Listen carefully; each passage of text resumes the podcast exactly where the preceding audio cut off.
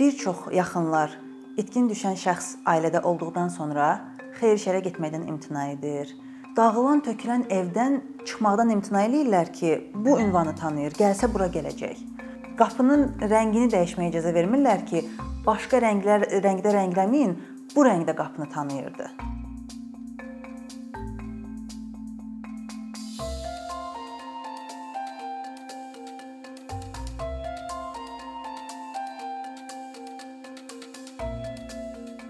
İtkin düşmüş şəxs dedikdə adətən biz nə başa düşürük? Hər hansısa bir formada taleyi naməlum olan bir insandır. Bəs onun ailəsi, onun yaxınları, yəni ətrafımızda olan yerdə qalan insanların vəziyyəti necədir? Onlara ailəsində itkin düşmüş şəxsin olması necə təsir edir? Silahlı münaqişə ilə bağlı itkin düşmək adətən özünü 3 formada göstərə bilər. İlk olaraq Ümumiyyətlə taleyi barəsində heç bir məlumatın olmaması, tamamilə naməlum bir vəziyyət.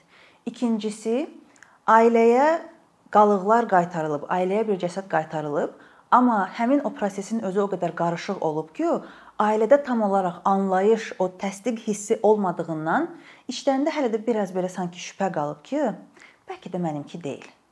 Və üçüncü ailənin xəbəri var, ailənin özü və yaxud e, hər hansı başqa bir şahid ailəyə bildirib ki, həmin şəxs hardasa vəfat edib. Sadəcə cəsədi ailə geri ala bilməyib və ona görə günün bu günündə də hələ də tam olaraq o prosesin içindən çıxa bilməyiblər. Ümumilikdə silahlı münaqişə ilə bağlı dünyada itkilərin sayı çox böyükdür. İtkilərin sayı o qədər böyükdür ki, misal üçün Balkan ölkələrində 90-cı illər ərzində bir neçə il davam edən müharibə ərzində 40 mindən çox insan itkin düşüb. Kolumbiyada 50 ildən çox davam etmiş bir münaqişənin nəticəsində 63 mindən çox insanın taleyi naməlum olub. Və ən yaxın zamanlarda baş vermiş ən böyük dəhşətli rəqəmlərdən biri 2021-ci ildə BMT bəyan etdi ki, Suriyədə 130 mindən çox insan itkindir. Azərbaycanda 1992-94-cü illər ərzində 3800-dən çox insan itkin düşmüş olaraq bu gün hal-hazırda qeydiyyatdadılar. Və daha sonra 2020-ci ildə atəşkəs olduqdan sonra təxminən 100-ə yaxın insanın itkin düşməsi barəsində xəbər bildirilmişdi. Daha sonra bir çoxlarının ailəsinə hər hansı bir formada məlumat verilsə də, 6 nəfər gəncin taleyi 2020-ci ildən bəri hələ də naməlumdur. Qeyri-müəyyən itki insanın üzləşə biləcəyi ən ağır təcrübələrdən birisidir. Təsəvvür edin ki, sevdiyin insanın nə sağ olduğu barəsində bir əminliyiniz yoxdur, nə də ölü olması barəsində bir əminliyiniz yoxdur. Və nəticə olaraq bu iki fikrin arasında gedib gəlirsən, gedib gəlirsən və bu ailələr adətən çox güclü təşviş, böyük günahkarlıq hissi və ümumilikdə həmişə oyanıqlıq, sanki belə bədən gərgin, həmişə axtarış rejimində kimi həyat yaşayırlar. Mənim özümə ən güclü təsir edən, mənim özümü ən çox sarsıdan təcrübələrdən biri ilk dəfə 2015-ci ildə itkin düşmüş şəxsin ailəsinə səfər etdiyim vaxtda baş vermişdi. Biz ailəyə baş çəkəndə komandamız üçün çay süfrəsi açdılar və yaşlı ana stolda hər kəsə çay verdi və əlavə bir stəkan çay qoydu. Çıxdıqdan sonra komandamdan soruşdum ki, bəs o əlavə stəkan çay nə demək idi? Və onlar mənə bildirdilər ki, bu ana ümumiyyətlə hər bir yeməkdə, hər bir çay süfrəsində əlavə olaraq bir boşqa bir stəkan qoyur ki, birdən oğlu qapıdan gələr. Artıq 23 il idi ki, onun oğlu itkin idi və 23 il gündə neçə dəfə hər gün bunu dəfələrlə eləmək o ananın ağrısını təsəvvür edəndə mən indi belə əsirəm. Bir çox insanların həyatı itkin düşmüş şəxsin itkin düşməsindən əvvəl və sonraya bölünür. Bir çox yaxınlar itkin düşən şəxs ailədə olduqdan sonra xeyir şərə getməkdən imtina edir. Bir çoxları, yüzlərlə insanlar dağılan, tökülən evdən çıxmaqdan imtina eləyirlər ki, bu ünvanı tanıyır, gəlsə bura gələcək.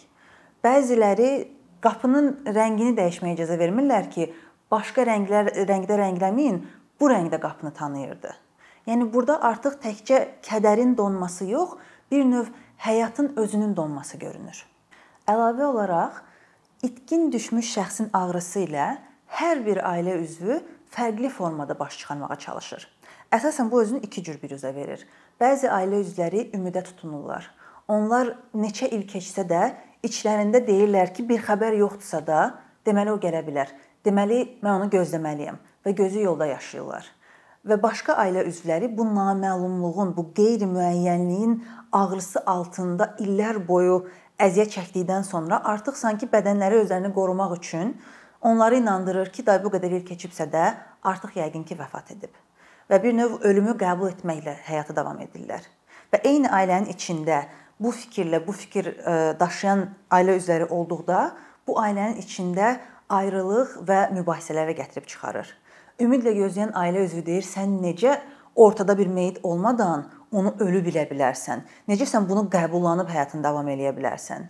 Və bu ağrı, acının altında da yəqin ki, artıq vəfat edib fikrini qəbullanan insan bu zaman özünü daha da çox günahkar hiss edir və nəticə olaraq deyir: "Bəsdir də, özün də əziyyət çəkdin, bizə də əziyyət çəkdirdin" və özünü qorumağa çalışır.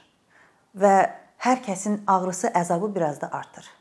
Bütün bu hisslər bəzi məqamlarda biraz daha da ağrılaşır. Bunlara xüsusi anlar deyirlər.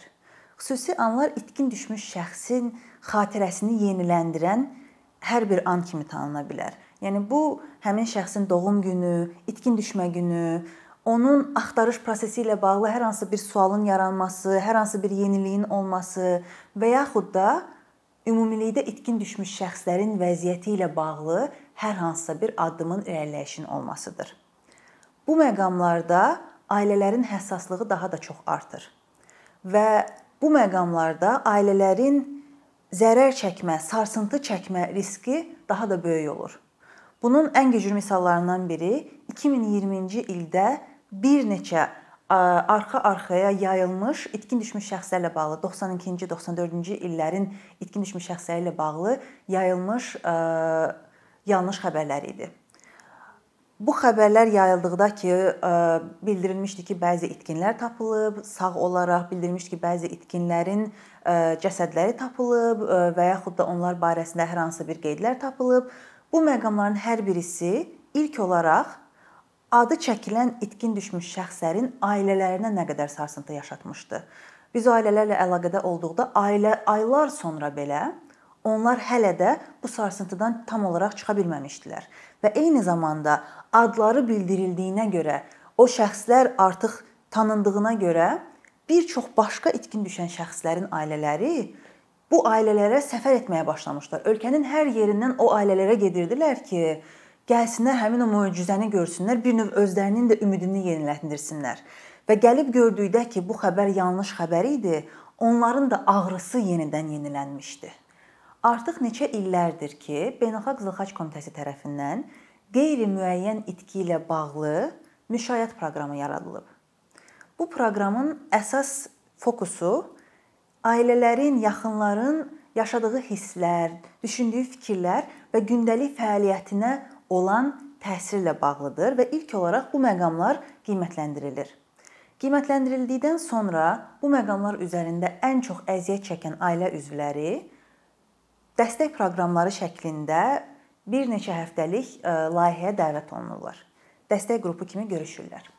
Və Azərbaycanda bu proqram 2012-ci ildən 2017-ci ilə qədər tətbiq olunmuşdu. Bu 6 e, aylıq dövrlü layihə şəklində ölkənin bütün bölgələrini əhatə etmişdi. Beynəlxalq təcrübənin bir sonrakı addımı naməlum məzarların açılması və itkin düşmüş şəxslərin sağ qalan ailə üzvləri ilə qalıqların tutuşdurulmasıdır. Bu prosesin özü çox mürəkkəb və illər çəkə biləcəyi bir məsələdir. Bəzi ölkələrdə 10 illiklər çəkib və hələ də davam edir. Və Azərbaycanda bu məsələ ilə bağlı vəziyyət nə yerdədir? Hal-hazırda 92-94-cü illərlə bağlı 20-dən çox ailəyə tutuşdurulmuş insan qalıqları geri qaytarılıb. Və bu nə deməkdir? Bu o deməkdir ki, 3800-dən çox itkin düşmüş şəxsin ailəsində hər birisində ən azı 5 nəfərin daha çox təsirlənməsi və daha güclü olaraq xəbərə ehtiyac duymasıdır. Çünki məsələnin bu hissəsində ən ağır hissələrdən biri sırf başqalarının cavab aldığının şahidi olub özünün həmin o cavaba olan ehtiyacının daha da kəskinləşməsidir. Ümumiyyətlə, indiki vəziyyətdə nələr etmək olar?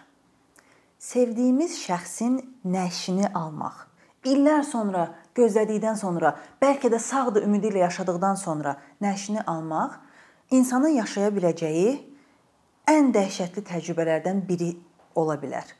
Və bir növ hətta tam olaraq real kimi hiss olunmaya bilər ki, sanki mən tam burada deyiləm. Elə bil ki, bunların hamısını mən kənardan izləyirəm. Və bu vəziyyətdə əlbəttə ki, hər bir ailə üzvü fərqli formada əziyyət çəkəcək. Beləliklə insan qalıqlarının təhvil verildiyi təşkilatda mütləq şəkildə psixoloq olmalıdır. Və bu psixoloqun təhvil prosesində dediyi hər bir sözün əhəmiyyətini və təsirini nəzərə alaraq psixoloqun seçilmə prosesinə həddindən artıq həssaslıqla yanaşmaq mütləqdir.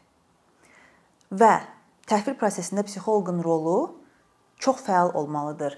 Yəni hər bir ailə ilə şəxsən görüşüb onlarla söhbət aparılmaq üçün vaxt ayrılmalıdır. Və əlbəttə ki, e, nəşi təhvil verildikdən sonra bir sonrakı məqam dəfn mərasimidir. Dəfn mərasimindən sonra bir çox ailə üzvlərinin qəbullanma prosesi təbii olaraq baş tutacaq. Əksəriyyət insanlarda baş tutacaq. Amma bəzi ailə üzvləri sanki bir növ ilişib qalacaqlar. Mürəkkəb kədər yaşamağa başlayacaqlar. Və mürəkkəb kədər yaşadığımız zaman artıq bu vəziyyətlə baş çıxmaq üçün əlavə dəstəyə ehtiyacımız olur. Bu məsələ ilə də bağlı məlumatlandırılma və belə olduqda kimə müraciət oluna bilər xəbəri, bilikləri təhvil prosesi zamanı hər bir ailəyə ötürülməlidir. Eyni zamanda ümumi əhali üçün də əsas media yolları ilə maarifləndirici məlumat yayılmalıdır. Bu nə üçün vacibdir? İndi bu saat hələ də qeyri-müəyyənlik içində yaşayan ailə üzvləri, hansıların ki ümidi və ehtiyacı daha çox artıb, hansılar ki bu saat daha çox əziyyət çəkirlər, bilsinlər ki, bu hissləri yaşamaq ümumiyyətlə normaldır və bilsinlər ki, əgər mən əziyyət çəkirəmsə və özüm baş çıxara bilmirəmsə də kimə müraciət edə bilərəm?